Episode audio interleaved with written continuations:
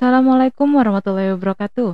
Pusat Kajian Hukum Pidana dan Kriminologi FHUMY kembali menghadirkan berita ngepit, yaitu berbagi istilah dalam ruang ngobrol tentang pidana.